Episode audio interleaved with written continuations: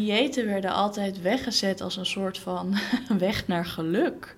Dun was gewoon beter. En iedereen om mij heen die niet dun was, en ook eigenlijk mensen die wel dun waren, iedereen was bezig om dunner te worden of strakker te worden. Of...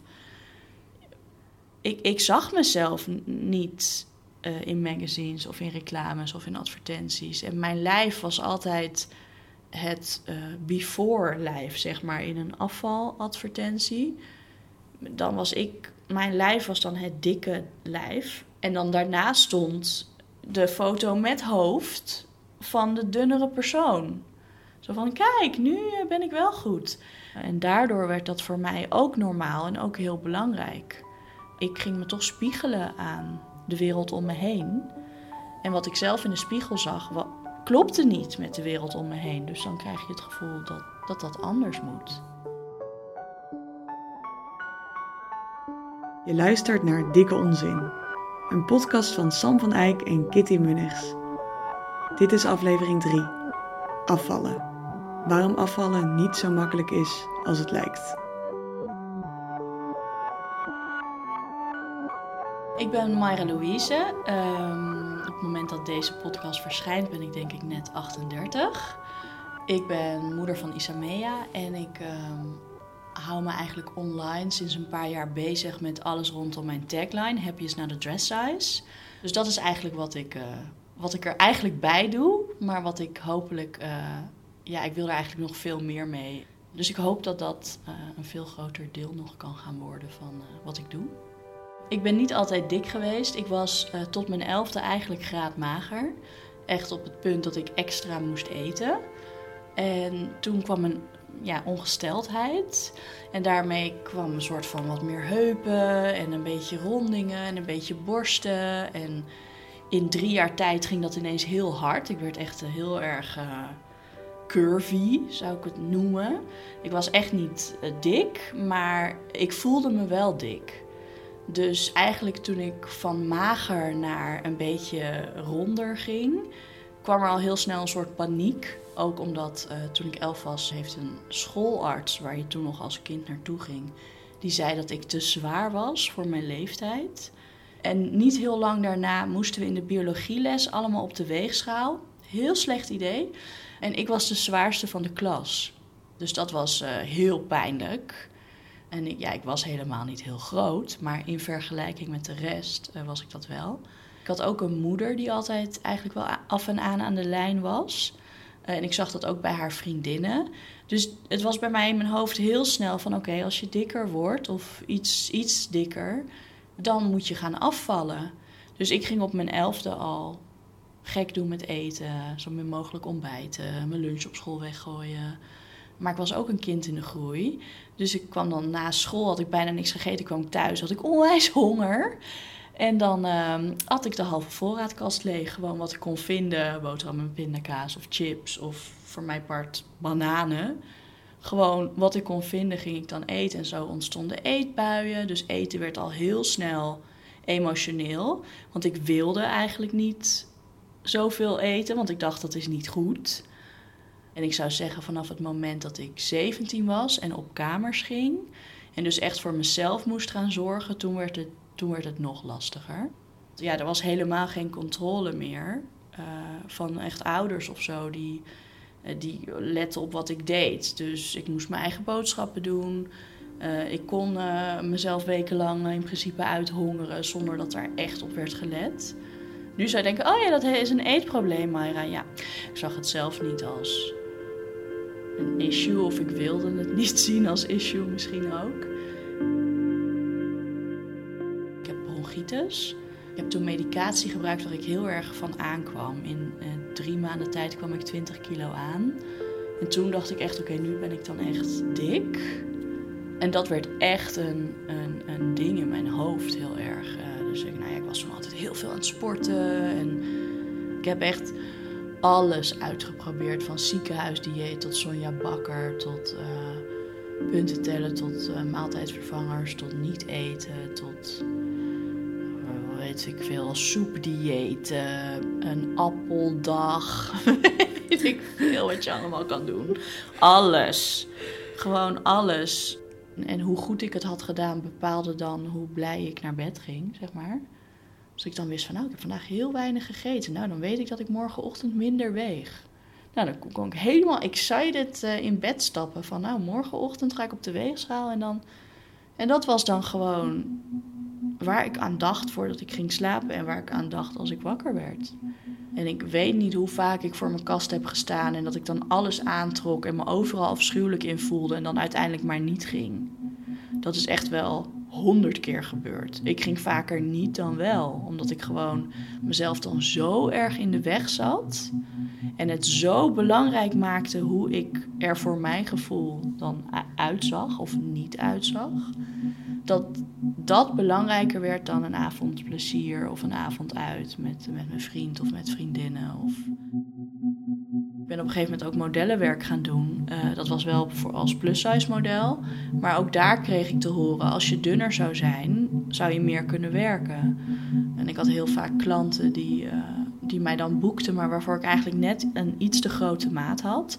Dus die gingen we dan of heel erg photoshoppen, of die knipten de kleding open, of die vroegen van: ja, we willen je over drie maanden weer boeken. Kun je dan alsjeblieft zorgen dat je iets dunner bent? En ja, natuurlijk. Ja, want ik, ik, het bevestigde mij zeg maar in wat ik zelf al dacht altijd. De wereld heeft me ook heel lang bevestigd in dunner is beter. Ik had ook relaties met mannen die ook ja, zeiden van uh, ik vind het mooier als je dunner bent. Ik heb ooit een vriendje gehad die letterlijk zei ik vind het lekker om tegen jou aan te liggen, maar ik ga liever met een dunnere versie van jou over straat heb ook wel met vriendinnetje samen geslimvast. Ik heb nog model gestaan voor slimvast. Ik ben nog model ook geweest voor een dieetpil. Een hele grote internationale campagne. Nu zou ik dat nooit meer doen. Dat ik dat gewoon niet wil uh, uh, supporten, zeg maar. Maar toen geloofde ik zelf ook dat ik dunner moest zijn. Dus ik liet me dat ook vertellen. Nu zou ik echt zeggen, daar is een deur, kun je doorheen hoeft ook niet meer terug te komen. Maar toen geloofde ik echt in elke pori dat ik dunner moest zijn om, om goed genoeg te zijn.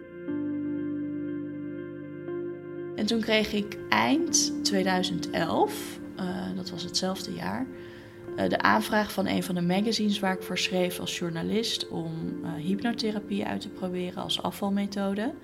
En toen was oorspronkelijk het idee dat ik twee weken worteltjes zou eten, want dat had Lily Allen gedaan. En toen had ik een hypnotherapeut uh, benaderd en die zei: Ja, dat kunnen we doen van die wortels, maar we kunnen het ook serieus aanpakken. En gewoon eens gaan kijken naar jouw relatie met eten en uh, hoe het daarmee zit. En um, zo heb ik daar een aantal sessies gehad. En eigenlijk was dat het begin van ja, mijn relatie met eten veranderen. En ik leerde daar voor het eerst om ja, dat ik mocht voelen in plaats van een reep chocola eten als het leven zeg maar moeilijk werd. Want dat is wat ik deed. Als het leven te confronterend werd, dan, uh, dan ging ik gewoon eten en dan voelde ik me rot om een eetbui, maar niet om wat er daadwerkelijk was gebeurd. En zo brak ik eigenlijk langzaamaan los van ja, stress eten en emotie eten. In die tijd met hypnotherapie begon ik voor het eerst echt voor mezelf te zorgen en werd die self-care die ik nu zo uitdraag, werd eigenlijk langzaamaan onderdeel van mijn leven. Dus ik, uh, ik ging toen ook sporten en niet sporten om af te vallen, maar gewoon sporten om me fijn in mijn lijf te voelen. Eigenlijk duurde het heel lang voordat daar de puzzelstukjes ook uh, een soort van samenvielen. Ik moest echt heel vaak dezelfde fout maken voordat ik eindelijk zag van, oh, dit is wat ik doe. Maar dat loste niet mijn niet goed genoeg syndroom op, wat ten grondslag lag aan uh, dat eeuwige lijnen. Voordat je het weet, heb je toch weer het gevoel dat iets niet goed is aan je.